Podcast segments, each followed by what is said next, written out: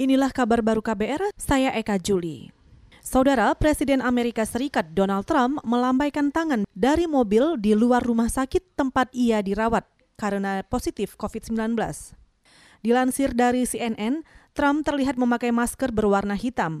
Mobilnya hanya keluar beberapa saat, lalu kemudian kembali masuk ke rumah sakit militer Waterreed di dekat Washington.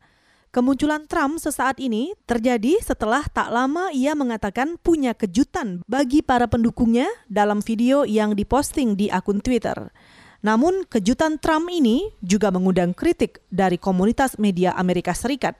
Menurut mereka, Trump semestinya diisolasi mengingat potensi penularan COVID-19 sangat tinggi.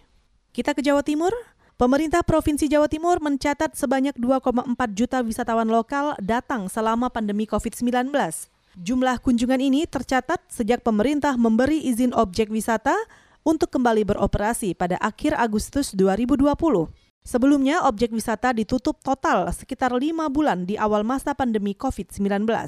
Saat ini sekitar 60 persen atau sekitar 900-an objek wisata di Jawa Timur mulai beroperasi, di antaranya wisata alam. Kunjungan wisatawan ini juga dikabarkan mendongkrak okupansi hotel hingga 70 persen. Kunjungan wisata yang tertinggi terjadi di wilayah Banyuwangi, Batu, dan Malang. Saudara Presiden Jokowi memerintahkan jajarannya mencarikan solusi meningkatkan kualitas dan kuantitas garam dalam negeri. Menurutnya, selama ini produksi garam selalu kurang dan harus melakukan impor lantaran tidak pernah ada perbaikan produksi yang dilakukan. Sekali lagi, pertama, perhatikan ketersediaan lahan produksi. Percepat integrasi antara tensifikasi lahan garam rakyat yang ada di 10 provinsi produksi garam ini harus e, betul-betul diintegrasikan, harus terintegrasi dan ada ekstensifikasi. Kemudian yang kedua, harus ada upaya betul untuk produktivitas dan kualitas garam rakyat kita. Artinya penggunaan inovasi teknologi produksi terutama washing plan harus betul-betul kita kerjakan. Menurut Jokowi, per 22 September lalu, lebih dari 700 ribu ton garam dalam negeri tidak terserap.